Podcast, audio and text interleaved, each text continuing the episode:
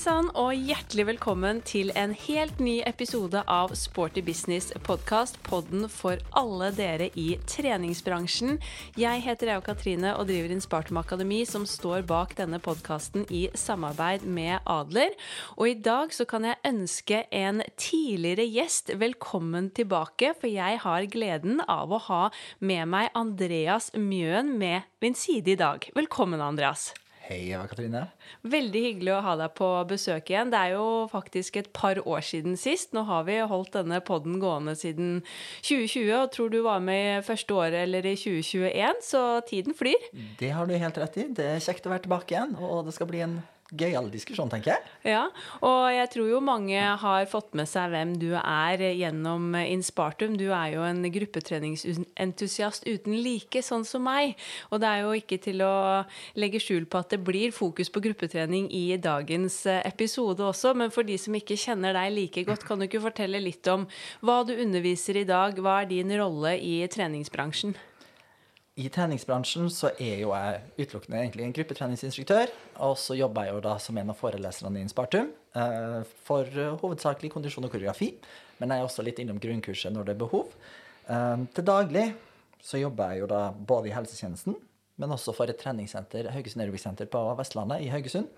Eh, hvor jeg da underviser primært stegtimer på stepp og gulv, og konsepttimer med dans, Uh, der fokuset mest er den tunge koreografien. Mm. Og vi gleder oss jo veldig nå, for vi skal snart ut og uh, reise. Vi skal til Rimini Italia på Rimini Wellness Festival. Er det ikke det det heter? Det er vel det den heter sånn. Det er Kjært barn har mange navn, men jeg tror det er det som er den formelle til slutt. ja, Og da blir det veldig mange dager med masse gruppetrening, og ikke minst da trinntimer som vi to er uh, veldig forelsket i. Men hva vil du si er det mest givende givende med å være gruppeinstruktør, da? Altså, For meg så har jo alltid denne gruppetreningsinstruktørrollen handlet om en arena for et fellesskap. Uh, og jeg har jo kjent særlig de senere åra på gleden av å få lov til å bidra i andres hverdagsglede.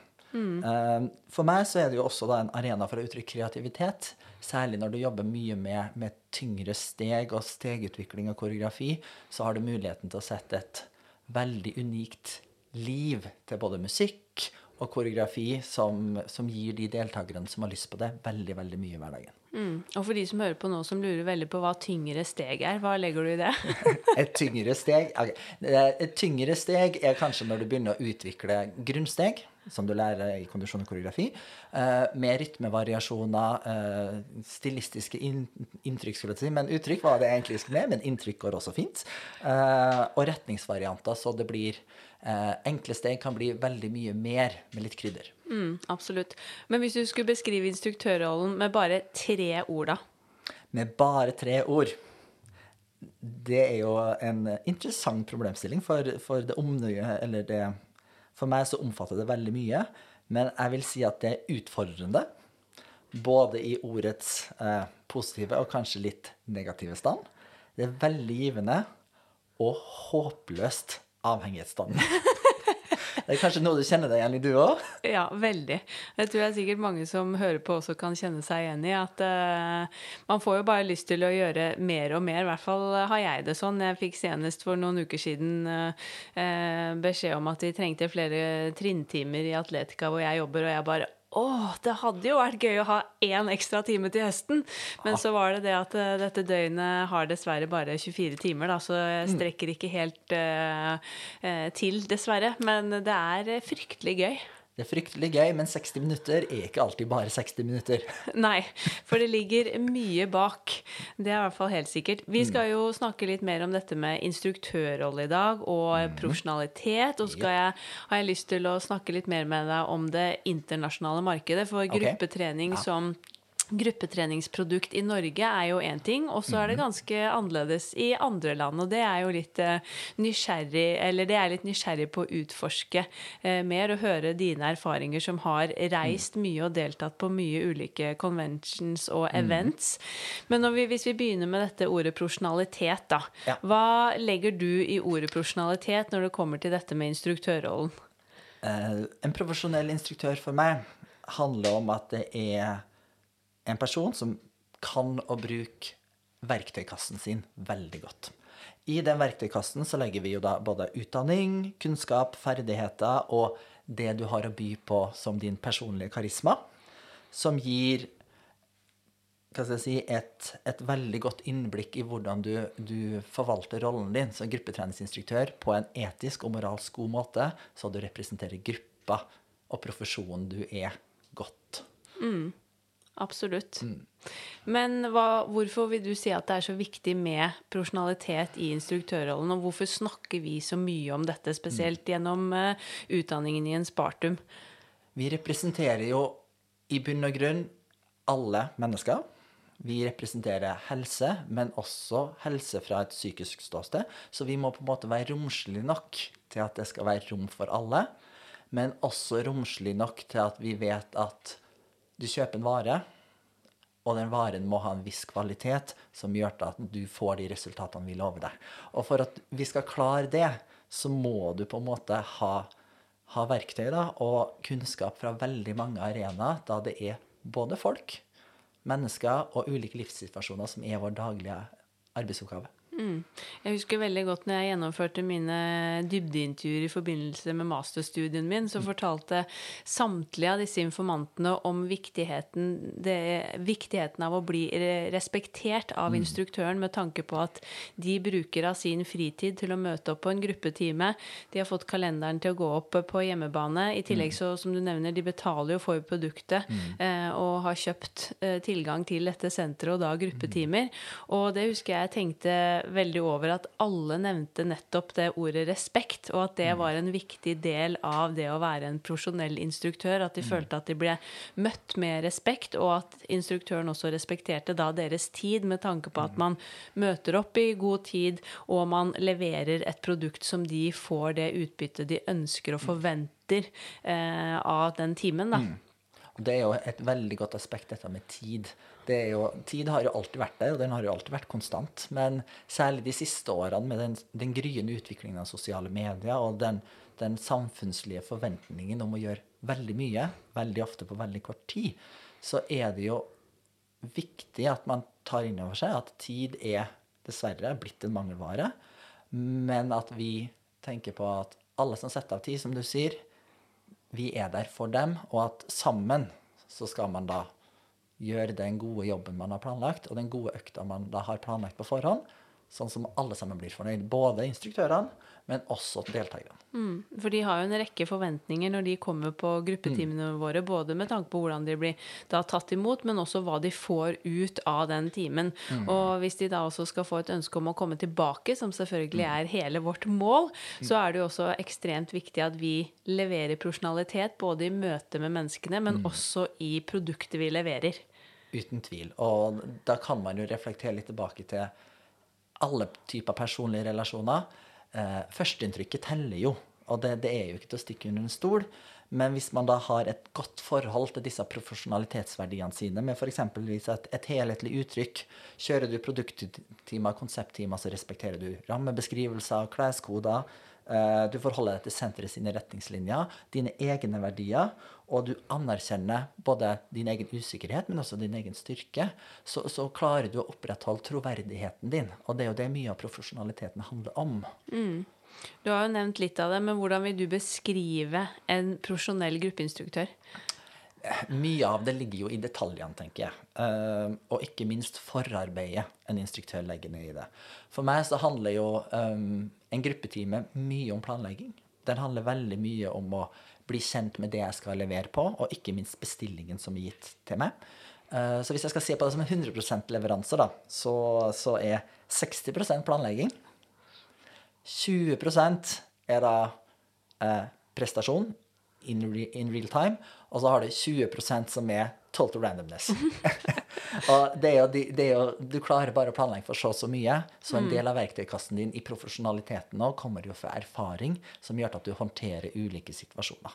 Så, så med tid så vil man jo få en utviklende profesjonalitet, og det er jo også ikke en urimelig påstand, vil jeg si, at man vil ha ulike vinkler for hvordan man definerer profesjonalitet, avhengig av hvor lenge man har vært i yrket. Mm. Ja, det er et godt poeng.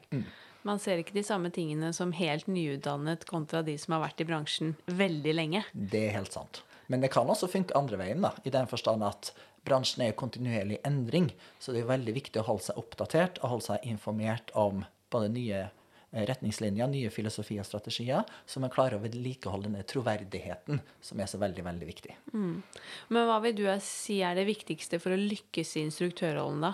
Da tenker jeg litt sånn generelt, Sånn alle generelt typer timer. Før vi går inn på det, da, hva, hva tenker vi om ordet lykkes? For den er jo litt viktig for meg. Eh, For mange vil jo da si at lykkes handler om hvor langt du kan komme. Eh, Særlig i sosiale medier nå så handler jo lykkes veldig mye om følgere. Jeg har lyst til å dra den litt mer tilbake på jorda og snakke om at lykkes handler jo om den følelsen du klarer å skape hos én deltaker. Eh, For meg så har jo alltid gruppetrening handla om å både se, men også bli litt sett sjøl. Ja.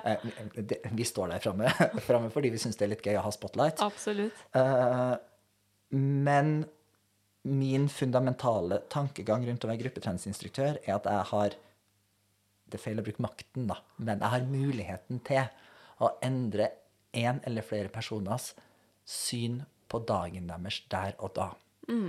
Og hvis jeg klarer med min prestasjon å lykkes da, med å endre din sinnsstilling, eller din sinnstilstand når du fra du gikk inn i rommet til du kom ut, da er jeg fornøyd. Jeg, det handler jo Ja, scenen er spennende, og, men det handler mer om hva du klarer å gjøre sjøl. Ja. Men i bunn og grunn så handler jo dette om den som står foran deg. Eller bak deg, litt avhengig av hvor speilet er. Eh, og det er dem vi er her for. Ja. Ja, og som du sier, det kommer jo veldig an på hva du legger i ordet lykkes. Mm. Er lykkes det at du vil på en stor eh, Mm. scene og presentere gruppetimer en dag? Er det det å alltid ha fulle timer? Mm. Altså hvordan er det du ser på suksess, da, egentlig? Og det er jo veldig subjektivt. Men hvis vi da tenker at ok, hvis vi nå definerer lykkes som å f.eks. få ganske Eller fylle timene sine, da, eller ha, få en jevn medlemsbase som går fast på dine timer, det tror jeg det er mange som føler på at da har man på en måte fått det til litt. Hvis du ser at timene dine er vellykkede, det kommer mange mennesker, og de kommer jevnlig. Har du noen tanker da om hva skal til for å få til det? Forberedelse, forberedelse, forberedelse. Uh, hvis du er tro til produktet som du skal levere på, hvis du bruker de retningslinjene som du har gjennom uh, utdanningen din, eller de ressursene du har tilgjengelig i administrasjonen din eller kollegaer, og samtidig er flink til å studere hvert enkeltindivid. For alle sammen trenger sin kommunikasjon og sin oppmuntring og eh, anerkjennelse, så kommer du kjempelangt. Men mye av det ligger jo da også i relasjonen til deltakeren din. Ja. Klarer du den mestringen med si, teori da, og planlegging i kombinasjon med anerkjennelse, så kommer du veldig langt. Og så handler det også om at du aldri må glemme at du bare er en person, du også. Mm. Så når man sier 'by på deg selv' Mange vil jo da være veldig kritisk til hva jeg sier nå, men du må også by på deg sjøl når alt er på topp. ja. Men noen ganger så er det lov til å si at det er kjempekjekt å se alle sammen, sjøl om dagen er litt sånn øh. Fordi mange vil òg identifisere seg med den følelsen. Og at ok, i motgang så er det fremdeles rutinen som hjelper meg. Ja. så lenge man ikke klager over sin egen dag i det Uten vide, vi og det brede. Det driver vi ikke med. Det driver vi ikke med. Men, Men, eh, men det handler jo litt om den relasjonsbyggingen, for jeg har jo også Mm. delt med mine deltakere på en måte litt personlige ting uten å Mm. bli for privat, og selvfølgelig noe som ikke legger en demper på ting, men da har jo Mm. de også satt veldig pris på at jeg kan fortelle om både litt oppturer og nedturer i mitt eget liv, og at jeg har lyst til å dele det med dem. Og det er jo ikke nødvendigvis det at jeg sier det i plenum til alle, men veldig ofte så blir man stående og skravle etter timen, eller kanskje før timen, og det er jo noe med Eller det er jo med på å bygge denne relasjonen med de deltakerne som også går på timen din. Og som du sier, de også får mer Eller jeg tror de kan identifisere seg lettere med deg, og de skjønner at ikke vi er sånne supermennesker og roboter som står foran der. Ja, og det er jo også ikke minst da troverdigheten din. For, for blir, blir um, distansen for stor, så får du jo litt utfordringer med å oppfattes troverdig, som, som igjen da kanskje vil påvirke profesjonaliteten din over tid. Som jeg nevnte innledningsvis, så har jo du godt kjennskap vil jeg si, også til det internasjonale markedet når det kommer til gruppetrening.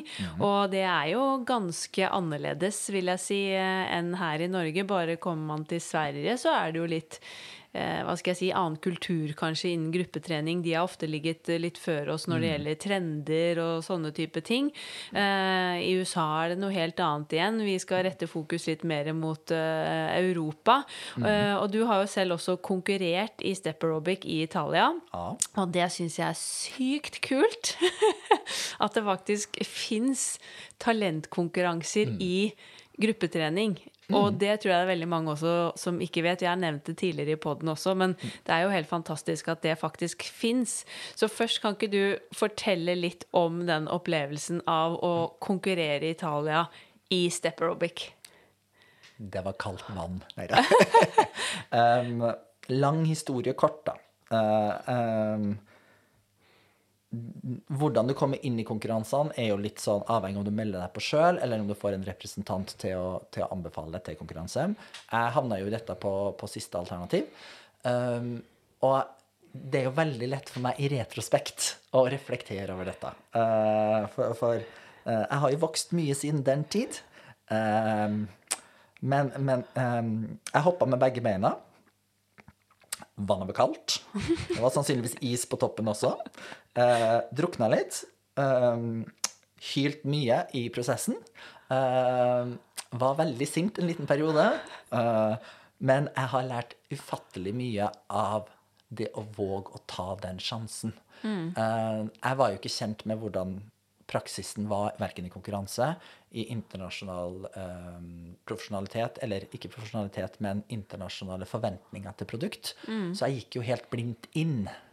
Um, og det skjønte jeg jo ganske fort, sånn type to og et halvt minutt da inn i, inn i sendepresentasjonen, at dette går jo ikke helt veien. Um, så, så en, en, en opplevelse som der og da var, var, var ganske tøff å stå i, men den opplevelsen er jeg veldig takknemlig for at jeg har med meg i etterkant. Uh, og ikke for å snakke noe ned om konkurransene, uh, for de har sin plass.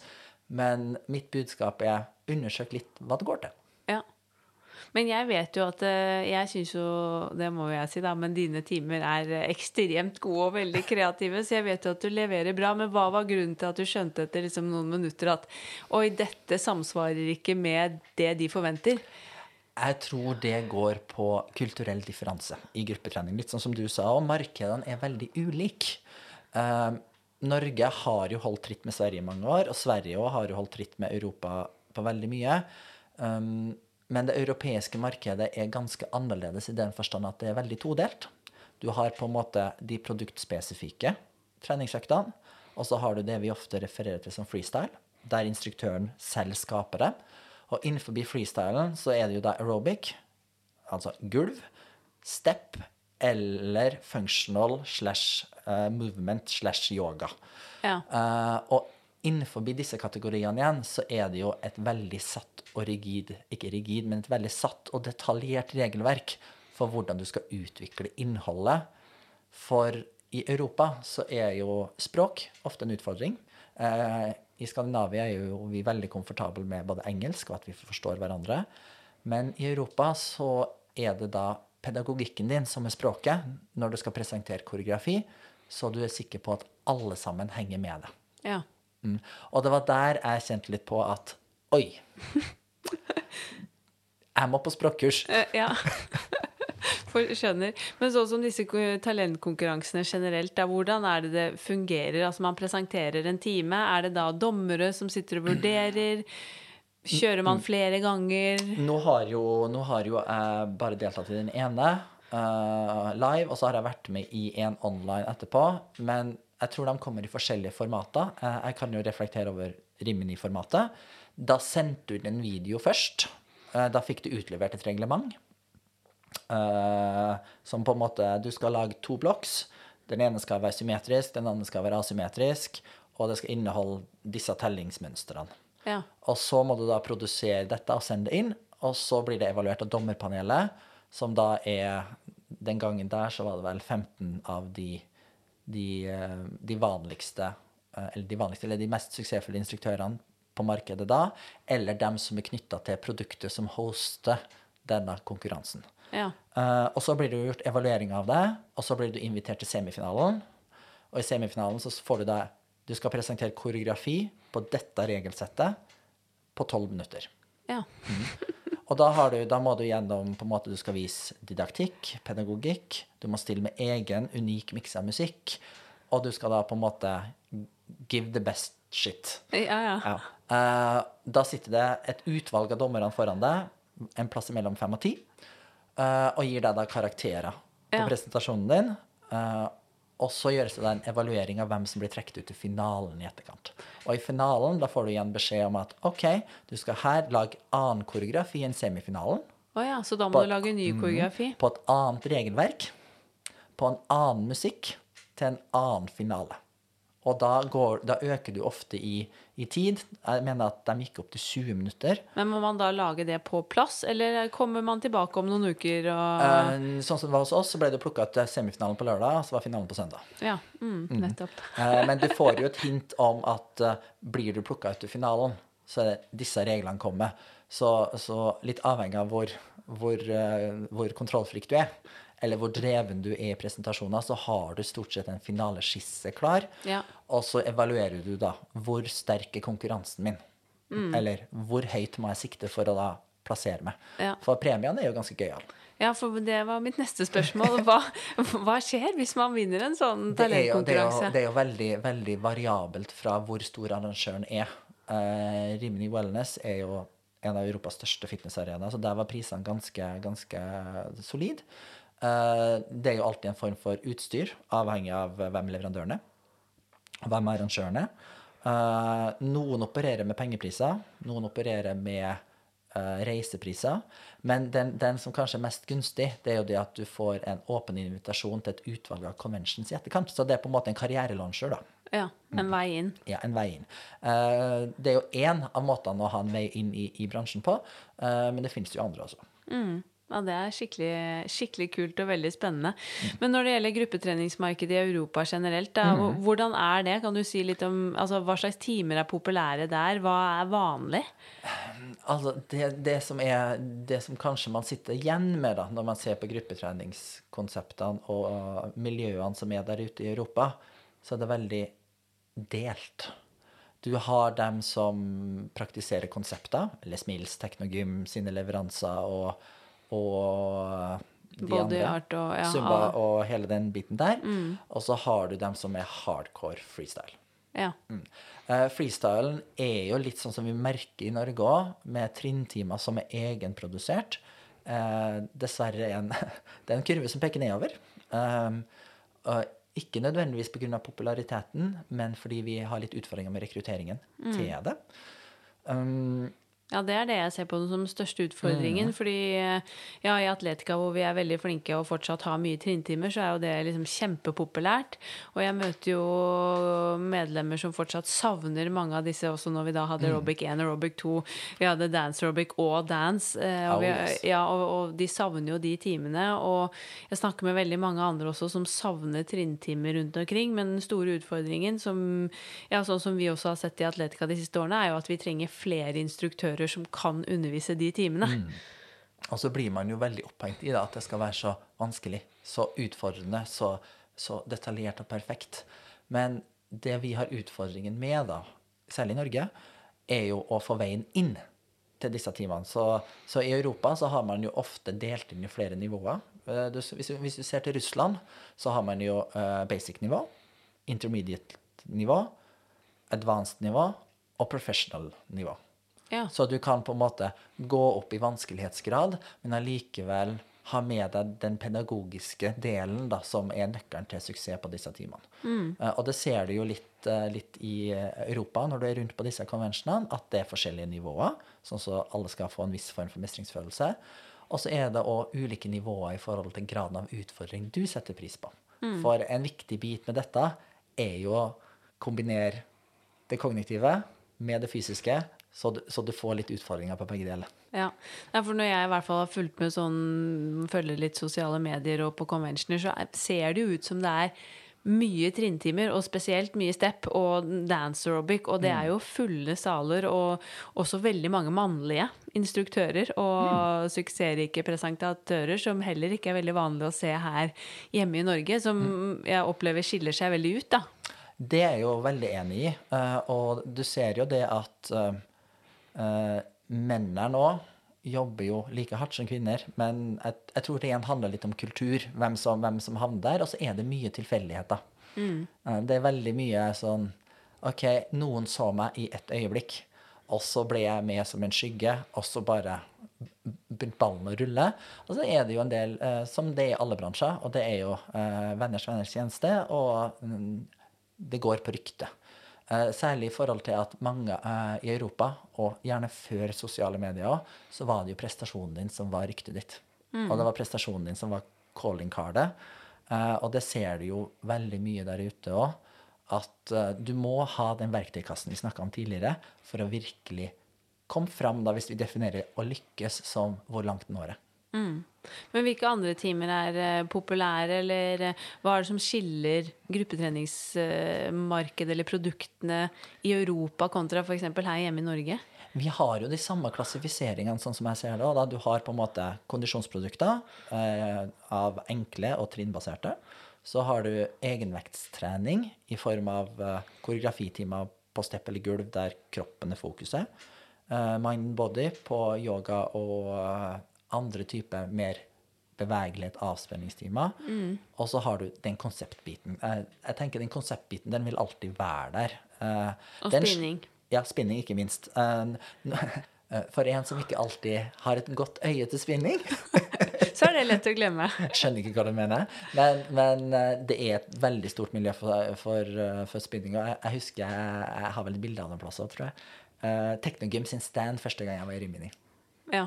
250 sykler. Mm, nettopp. Mm. Det var bare sånn Jepp, sykkelen er fin, og den er gul. Det er det ingen tvil om. Uh, men sånn ellers så er jo innholdet det samme. Men det som ofte skiller seg litt til det europeiske markedet, det er jo den veldig planlagte strukturen. Alt har sitt system. Alt har sin tid og sin timing, nettopp fordi du skal undervise mange. Du skal undervise mange av ulike nasjonaliteter, og du skal undervise ofte Hold dere fast, alle norske lyttere uten mikrofon. Ja. Så du er så avhengig av at du er tydelig kroppslig, ekstremt tydelig med dine tegn, tanker og planlegginger når du skal lære ut dette, så det ikke er noe tvil om hva du vil. Mm. Nettopp. Det er veldig fascinerende å se på de ja, timene som man sier ikke et ord, men likevel så bare flyter oh, ja. alt. I hvert fall når det kommer til koreografi og sånn. Og så er det jo på mange timer, tenker jeg, også en fordel å kunne selvfølgelig ha den mikrofonen og formidle mer intensitetsstyring og teknikk og de tingene som man da mister. Men Mm. er det en mer dan altså kreativ dansetime eller step, Mm. så vil man jo ofte heller liksom leve seg inn i musikken, og da kan det jo være kjempedeilig å ikke ha den stemmen. Mm. Men her hjemme i Norge så kjører jo vi veldig mye det vi kaller sang for sang-timer. Altså god gammel høypuls, Mm. eh, step styrke, eller høypuls på step, eller disse dansetimene våre som vi egentlig jobber, kall det etter som en zumba, da, men Mm. vi lager våre egne varianter. Sang for sang, ulike dansestiler. Hvordan er sang for sang i Europa ellers? Det er ikke så mye sang for sang. Nei. Nei, det, det, det, som man sier, han, han faller ikke så veldig mye inn i denne freestyle-kategoriseringa. Eh, sang for sang er primært representert av konseptene. Eh, det kan godt hende at du møter sang for sang som en tematime, men da er likevel innholdet på en måte blokk- eller fraseringskoreografi. Eh, den situasjonen hvor du kanskje møtte sang punktum eh, koreografi, eh, ingen sang for sang, men sang punktum koreografi, er jo i mer tradisjonelle fraseringsbaserte dansetimer, der, der du jobber koreografien først, og så får du musikken utlevert etterpå, og så repeterer du til, til da koreografen eller instruktøren er fornøyd med produktet, eller til tiden er brukt opp. Ja. Så innen freestyle-verden, egentlig både da på funksjonell styrke med egen kroppsvekt og alle og stepdance, alle disse timene, så bruker de da beatmix-musikk. Ja, Ja. beatmusikk. Mm, skjønner. Nettopp. Så de er ikke så glad i våre sang for sang-timer, nei. Jeg tror ikke nødvendigvis de er ikke glad i det, men jeg tror det på en måte aldri har vært et tema. Jeg tror, tror på en måte tradisjonen har vært eh, beatmix med systematikk. Og så eh, har man latt sang for sangen være en konseptting. Eh, jeg tror jo det internasjonale markedet kunne hatt veldig godt av en godt produsert sang for sang-team for kondisjonstreninga. Fordi det er en lett vei inn i treningsbransjen for en, en mosjonist eller en nybegynner som ikke har verken kognitiv kapasitet eller stegforståelse til å liksom kaste seg ut i tørna tvister og alt, eh, alt den typen trening innebærer. Ja. Så, så Og også for instruktører egentlig en fin måte å begynne å undervise sånne type timer før man kanskje går over til å undervise um, koreografitimer. nå, nå, skal jo jeg, nå, skal, nå skal vi jo vi diskutere litt den der. For personlig så syns jeg det er mer utfordrende å undervise en sang for sang-time enn det jeg syns det er å undervise en blokktime. Ja. Jeg kan for så vidt være litt enig med det. Men jeg husker at min vei inn, i hvert fall, som Ja. instruktør, var jo også på Sang for sang. Og jeg tror nok mange i hvert fall i utgangspunktet når man ikke kjenner til blokk og kjenner, kall det den andre verdenen, så er det litt enkelt å forholde seg til sånn én sang, og så er jeg ferdig med den, og så er det noen nye trinn, enn å lære seg hele dette blokkbyggingssystemet, og det er mye å tenke på, og det er tellinger, og det er en sammenhengende koreografi. Men det vil jo også være subjektivt. Og det er sikkert mange som også er helt uenige i oss to at eh, sang for sang, det er mye lettere og bedre enn blokk igjen. Uten tvil, men det handler jo igjen da om verktøykassen din. Eh, sang for sang er jo forholdsvis lett. Uh, nei da, det, det var feil av meg å si, men det er, det er en annen tilnærming til bruk av musikk. Uh, der timingen er det som er det viktige. Mens i blokk så har du et annet element av timing uh, i forhold til pedagogisk utlæring og variasjoner. Så, så det er egentlig samme tilnærmingen, men to helt ulike verdener. Men når du har vært mye ute og reist på både kurs og conventioner og events og møtt mange av disse internasjonale presentatørene, hvordan opplever du dem i forhold til norske instruktører her hjemme? Altså Vil du si at de er mer profesjonelle enn oss, eller hvordan jobber de i forhold til oss? Dem jeg har møtt stort sett, da, og det er jo hovedsakelig litt pga. den språklige barrieren som er der ute, er jo presentatørene. De som på en måte reiser rundt og presenterer på scenene. Um, de har det samme profesjonelle verktøykassen som det vi har, men de har nok et publikum som ser vesentlig mer kritisk på det enn det en naturlig kundegruppe ville gjort. Og så ser de òg sannsynlig blir de nok kritisert mer i den forstand at du får bare ett øyeblikk. Du får ikke hver mandag, hver tirsdag. Så tilgiveligheten er nok litt sånn eh, redusert. Men de jobber jo veldig profesjonelt, for de representerer jo seg sjøl som en vare.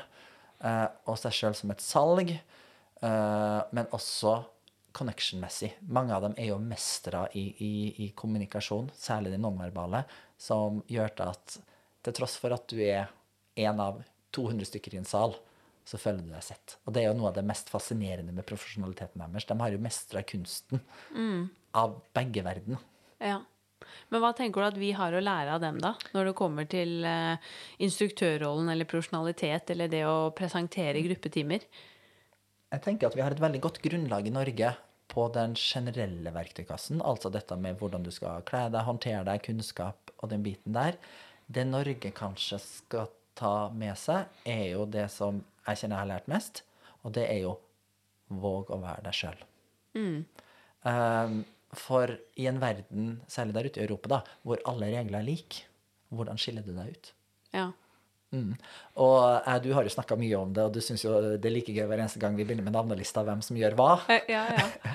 Men det å klare å bli gjenkjent for din signatur er kanskje det som vi kan ta med oss fra Europa.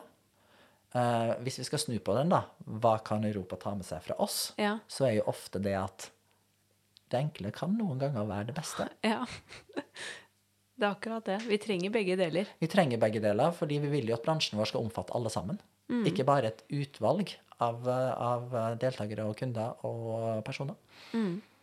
Men hva er dine beste tips til instruktører som kanskje føler at de står litt fast, men så har lyst til å ta steget videre og utvikle seg, da? Og litt som du sier nå, da. Kanskje bli litt råere til å by på seg selv. Kanskje bli litt råere på å bruke nonverbal eh, kommunikasjon eller cueing. La seg inspirere av da presentører i utlandet. Eller kjenner at de er litt sånn åh, jeg har lyst til mer, men står litt fast. Har du noen gode råd? Etter 2019 så var jeg jo litt der sjøl. Ja. Eh, litt stanga hodet i veggen. Um, det første du må gjøre, er jo å ta en liten runde internt med deg sjøl. Og særlig denne definisjonen av hva syns du er lykkes? Hva er din hårete problemstilling og ditt hårete mål i rollen du er? Eh, Noen instruktører er veldig komfortable med der de er, og trenger bare et lite push i den kreative retningen. Og da er jo det å dra til en instruktør du vet har kreativiteten, veldig viktig. Og på en måte tørre å inngå en dialog, ikke minst. Noen ganger så er det jo viktig å være med på en time. Men også kanskje ha den lille tankegangbiten etterpå. Og ha forberedt seg litt på Jeg har lyst til å spørre deg om detaljer. Ja. Mm. Eh, hvis du tenker langsiktig, da, hvis du har lyst til å på en måte prøve deg litt der ute, se hva som er der ute, så er det jo da å reise til disse eventene eller konvensjonene der du vet at en nivået er noe som du kanskje behersker. Og så er det da, når du er ute på reis eller i sosiale medier, studer. Ikke bare vær så opptatt av å delta hele veien, men tenk litt over hva gjør vedkommende som underviser? Hvordan gjøres det? Og ikke minst, hvorfor? ja. Særlig den siste biten der er, er veldig fascinerende når, når man skal begynne å lære ut, sånn som Uh, Du vet det, Eva Katrine. Revers add-on. Det, det er alltid en sånn Hvordan, er det ikke? Åh, jo. Og for de som lurer på hva i all verden Andreas nå skravler om, så er jo dette igjen teknikker innen blokkbyggingsverden som eh, jeg syns er ekstremt spennende, men som du kan veldig mye mer om enn meg. Og vi har jo hatt noen sånne workshops eh, sammen hvor eh, Andreas veldig ofte snakker over hodet på Eva Katrine. men det er veldig gøy, da. Det er veldig gøy. Og så er det jo den der detaljkunnskapen da, som, som mange ikke helt, helt er med på. Men i de fleste tilfeller så forstår du både hva det er for noe, du har bare ikke vokabularet til å henge det på en krok. Og så er det som du sier, da, det å ta en runde med seg selv, at hva er det man egentlig ønsker å oppnå i instruktørrollen? Fordi for min del, som alltid har hatt ja, det ønsket om kanskje være eller presentere på en convention, eh, skape kurs, utvikle noe, så har jo jeg kanskje personlig sett på for meg at det er å lykkes. Eh, eller som du fortalte, liksom dette med selvfølgelig det å lykkes med å få de faste til å komme hver uke. Det er jo den, hva skal jeg si, den hverdagslige suksessen. Men jeg har hatt et ønske om å ta det et steg videre. Men for mange så har man jo ikke noe ønske om å stå på en internasjonal scene eller gjøre det, ja, det ene eller andre. Og da tenker jeg det er jo viktig å finne ut hva er det man ønsker å lykkes med. Er det det å få fulle gruppetimer? Er det det å tiltrekke seg en ny type målgruppe? Er det det å aktivisere mennesker i lokalsamfunnet der man bor? Skape et nytt og unikt tilbud? Altså det kan jo være en rekke ulike ting, og at man først finner ut av det. Og så, som du sier, dette her å oppsøke mennesker du kan la deg inspirere av. Og for meg er det helt essensielt. Det merker jeg så godt med en gang jeg er med på time selv, eller er på et kurs, eller noe sånt noe, hvor mye det gir meg. Ofte kan det være, være det lille puffet jeg trenger for å føle at åh, nå er jeg på en måte litt gira igjen, eller inspirert. Og den våren her så var jeg jo blant annet på eh, Yoga Games i Gøteborg med da en eh, skadet skulder, så det ble jo litt eh, amputert, men ga meg også da muligheten til å, som du sa, observere i større grad enn å hele tiden bare være med. For når du- er med, så glemmer man litt å ta på seg de kritiske brillene eller følge med og være nysgjerrig på hva som skjer. Og jeg fikk jo så mye ut av den helgen, av alt jeg da også observerte og kunne ta med meg, og hva jeg tenkte åh, det er noe de sa som var utrolig fint, en musikk, og hvordan de brukte musikken. Eh, og det er sånn du ikke helt klarer alltid å få med deg når du er veldig i det selv. Uten tvil. Og det, det er jo den observasjonsbiten som gjør at du vokser. Eh, men sånn, for min del, da, hvis jeg på en måte skal eh, tenke hvordan jeg utfordrer meg sjøl, så, så er jo det todelt. Det ene handler jo om prestasjonen i seg sjøl, og det andre handler om pedagogen. Prestasjonen går jo da på uh, hvor mye koreografi kan læres ut, hvor fort, på hvor kort tid, hvor mye klarer jeg å håndtere der oppe i hodet. Uh, og det andre går jo litt mer på ut av komfortsonen. Um, hvis jeg drar til Sverige, eksempel, så, så, så må jeg jo, eh, for mine svenske venner sier at jeg skal, innom en house-time. Ja. Uh, jeg kaller det Riverdance. uh, og det er jo fordi det er helt utenfor min komfortsone i både danseteknikk, rytmer, tempo og steg. Men med observasjon, da, som jeg har brukt veldig mye tid på, så klarer jeg likevel å se læringsmønstrene. Og jeg klarer å observere hvordan instruktøren legger opp timen sin. Og jeg klarer tidvis å kanskje gjøre noen steg, men jeg har en helt annen vinkling på det. Jeg har jo også nå valgt å ta utfordringen med ikke-tradisjonelle aerobics-timer. Dette med å gå på en jazztime, eller gå på en, en contemporary dance class, der, der den pedagogiske vinklingen er helt annerledes. For mye vil du kjenne igjen fra, fra det du lærer i gruppetrening, men du har en helt annen vinkling på det. Mm. Og så er det det at du plutselig kan få alt fra et musikktips til én arm, eller noe koreografi, eller en øvelse, eller et eller annet som du kan plukke med deg. Og apropos denne Yoga Games også, så det var en time jeg var med på som var Det var egentlig en time med shavasana og litt sånn pusteteknikker, men da snakket han eh, yogalæreren, eh, Michael James Wong, kan anbefale han til alle. til og med på en måte Det var timet til musikken.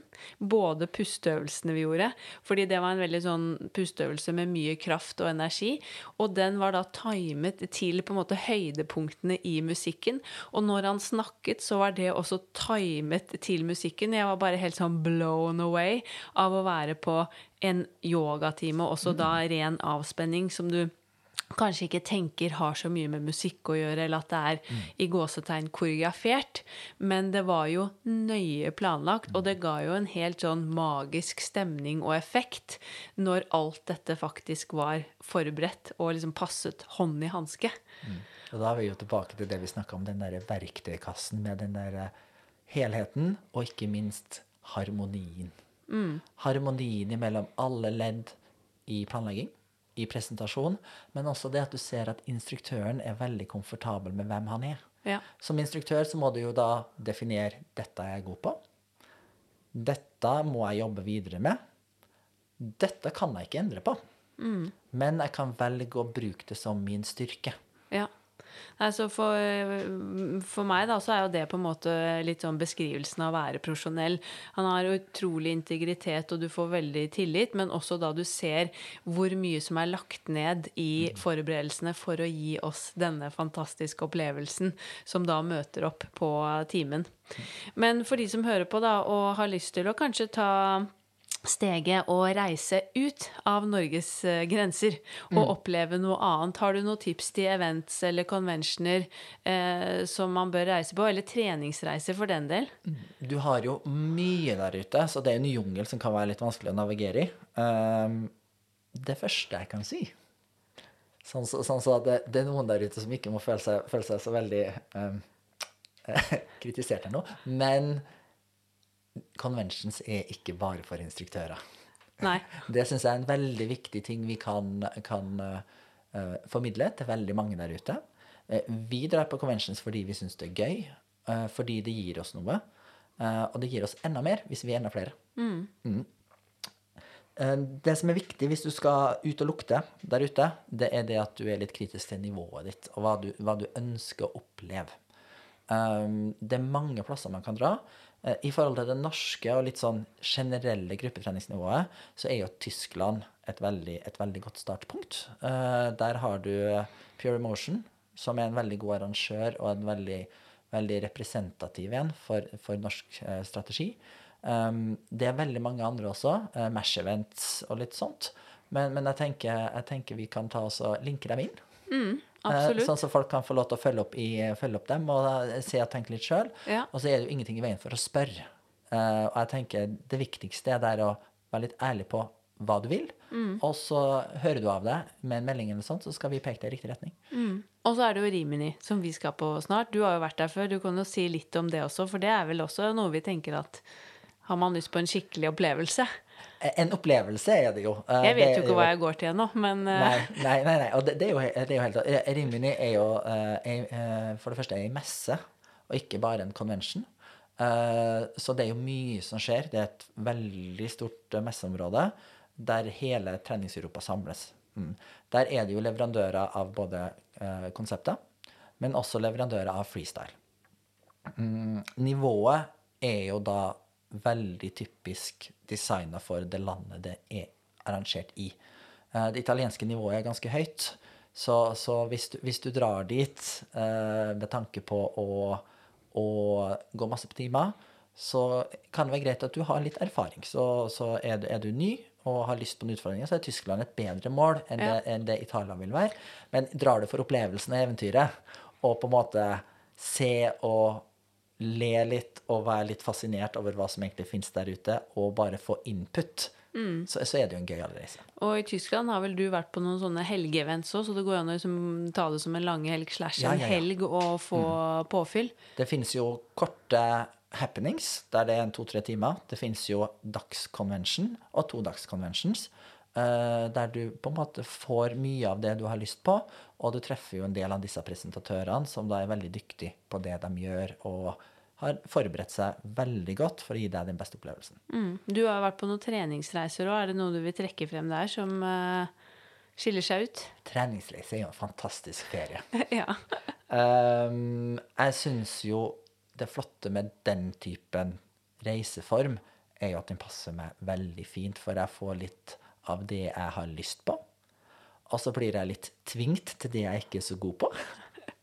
Eh, og så er alt tilgjengelig. Så, så du klarer å finne den, den indre roen som, som jeg, i hvert fall som person og gruppetreningsinstruktør, kan ha litt utfordringer med å nå. Men er det noen av de du har vært med som, eller vært på som du kan anbefale? igjen så er det jo veldig mange der ute. Eh, mange av dem har felles destinasjoner. Eh, så da ville jeg sett litt på igjen hva du er på jakt etter, men også instruktørene som på en måte inspirerer deg, og som vil delta. Uh, ofte så er jo konvensjonene og arrangørene som utfører dem, de samme som arrangerer treningsreisene. Ja. Så, så hvis du begynner da med å eh, dra på en convention, og så sjekker du oi, denne, denne arrangøren har også en treningsreise, så, så vet du i hvert fall hva du går til. Men er det lettest, for det er det jeg tenker én ting er hvis man ikke har mulighet til å dra på en convention. Altså hvor begynner man hvis man skal lete etter sånne type treningsreiser utenfor Norge? Da er det arrangørene. Ja. Arrangørene, Ellers er det presentatørene, for presentatørene markedsfører jo ofte disse reisene sammen med arrangørene. Men er det noen arrangører som du vil trekke frem som er top notch? Eh, Pure Motion er jo veldig dyktig på det de gjør. Um, nå husker jeg ikke helt navnet på den arrangøren som sto for KOS, men det mener jeg at var uh, det sveitsiske fitnessforbundet. Ja. Um, Da får vi linke disse inn. Jeg tenker vi linker dem inn, for da er det litt lettere å, å finne dem igjen. For disse har jo veldig, veldig ulike hashtags og navn i sosiale medier, Ja. som gjør at du plutselig havner feil. Nettopp. Men når vi er inne på dette med å la seg inspirere, da. Mm. Eh, det finnes altså disse i dag i, med sosiale medier, medier, så kan man jo la seg inspirere hjemmefra også ved å følge mange av disse Mm. presentørene, fordi de er jo flinke ofte til å legge ut mye. Eh, har du noen Jeg vet at du egentlig har en veldig lang liste, og vi skal ikke ta hele lista, men for de som er interessert da spesielt kanskje i trinntimer, da. Og, Mm. Stepp og og stepp ja. gulv, som vi er, liker, og som du uh, underviser mye Mm. i. Har du noen navn der som du vil trekke frem, som man bør følge? La oss dele det i to kategorier, da. Så kan dere få lista. Den den kan vi sikre at dere får. Men, Ja, ja. eh, men to kategorier. Da kan vi si at vi har dem som er musikalsk, og dem som er stegfokusert. Eh, hvis du tenker musikalitet, så er det jo uh, Anastasia Alexandridi, som er et veldig godt alternativ. Uh, du har også Katja Vasilenko. De to er utrolig dyktige på å bruke alternativ musikk og koreografere på takt og på betoning. Eh, på herresida, hvis du tenker det, så er det jo Carlos Ramires som er veldig dyktig på det. Og så har vi jo eh, Sasha Orskin. Ja. Å, en av mine favoritter. Yes. Ja. Hvis du skal over på steg, og bare hardcore innhold og steg, så eh, er det jo Alex Fomin fra Russland. Vi har eh, eh, Evgenij Chasov fra Russland. ja. Veldig mye russisk. Og så har vi Remi Hulieu og Morgan Murot fra, fra Frankrike. Og så kan man jo òg legge på Cara Lopez fra, fra Spania, som er veldig dyktig på steg. Eh, Hun er også veldig dyktig på musikk, men hun er utrolig dyktig på dette med steg, stegutvikling og ikke minst stegvariasjon. ja. Og så får vi tagge alle disse, tror jeg, fordi nå er det ingen som husker hva du sa i starten. Nei, og det er helt greit. Det er mye navn, og det er mye innhold. Men eh, jeg kan absolutt eh, anbefale å følge disse presentatørene, for det er utrolig gøy å følge med og se hva de gjør, og la seg Mm. inspirere av eh, ja, småting. Og så er det jo mange som er gode på den functional-biten. Ja. Altså det å jobbe med egen kroppsvekt eh, og Mm. kjøre mer styrketimer også satt i system, og med da bruk av mye musikk, Mm. Oh, som yes. igjen vi liker. Så der også er det jo mange som eh, det Mm. er kult å la seg inspirere av. Så vi skal tagge dem, og vi skal linke til eh, alt dette som eh, vi anbefaler, så man kan følge opp eh, det videre. Men avslutningsvis, hvordan tenker du at eh, gruppetreningen eller instruktørrollen kommer til å utvikle seg fremover, da? Eller har du noen drømmer eh, for bransjen, eller spesielt da gruppetreningsproduktet her i Norge? På blokka mi så står det 'Back to the 90s slash 1000-tallet'. um, bransjen vår er jo et lite paradigmeskifte, i den forstand at vi ser at intervallbasert trening og gruppetrening med Tabata-prinsipper og, og den typen struktur har begynt å ta veldig over. Uh, og de har jo sin plass, og de er jo veldig nytteverdige for menigmann og alle sammen. Men jeg savner, og jeg håper vi klarer å komme oss tilbake til, der trinntimer òg er like dominerende som disse sirkelbaserte styrketimene slash kondisjonstimene. Det står et navn til òg på denne blokka. Og Ja. det, eller det er ikke et navn, men det er en event, og det er en event som både jeg og du fremdeles husker med wow-faktor. Hva tror du det er? Nike Blast. Oh yeah! um, dette, er jo et, dette er jo et veldig yndig tema for alle vi som har vært der. Ja. Uh, men det var jo e- e- en fantastisk event fra et skandinavisk ståsted, der du fikk den gode harmonien imellom alt. Og jeg håper vi klarer å komme oss tilbake til, eller at vi klarer å i hvert fall få en målsetning om å komme dit. Der, der vi har en likevekt imellom gruppetrening som er da trinnbasert, og dem som er ikke trinnbasert. Og det går jo igjen da tilbake til fortsettelsen med å utvikle vår profesjonalitet, og at instruktørene da våger å ta steget videre med å utvikle seg. Og da kan vi jo skyte inn at uh, det er jo lov at vi 18.11. i år skal ha ny Inspartum Boost, vår egen convention. Og Inspartum fyller jo fem år i år, så da blir det skikkelig fest. Så det er bare å save the date allerede. Oh yeah! Vi har jo allerede booka ja, flere instruktører, og også vår kjære Per Markussen fra Sverige, så det blir skikkelig stas. så vi gleder oss. Jeg- Jeg vet ikke hva hårfarge jeg skal ha, men sannsynligvis så kommer den til å være rosa. Det liker vi. Det er bra. Men eh, tips til eh, gjest i podkasten, da? Har du noen, eh, noe å komme med? Jeg syns jo den podkasten her har hatt veldig mange faglige og veldig spennende gjester på enkelte tema. Men nå tror jeg det er på tide at vi snur litt på flisa, og så oppretter vi en paneldabett, eller en spørrerunde, der du tar med deg noen og oppretter tema, så lar vi lytterne våre få lov til å spille inn, eh, spille inn de spørsmålene. Og så kan vi svare og heller eh, hjelpe med meninger og tanker rundt temaet fra, fra alle der ute. Ja, det var et veldig, veldig godt tips. Det skal jeg ta med meg videre. Både det og en medlemsepisode tror jeg veldig mange hadde satt pris på, så det var en eh, veldig, veldig god idé. Så da tror jeg egentlig vi runder av, jeg, Andreas. Vi kan jo snakke om eh, gruppetrening eh, i det vide og det brede, og vi gjør jo stort sett ikke noe annet når vi er eh, sammen også. Så jeg håper at i hvert fall lytterne våre har satt pris på gruppetreningsprat og mange gode tips. Og så er det jo lov å bare ta kontakt med oss også i sosiale medier hvis man lurer på noe, som du nevnte.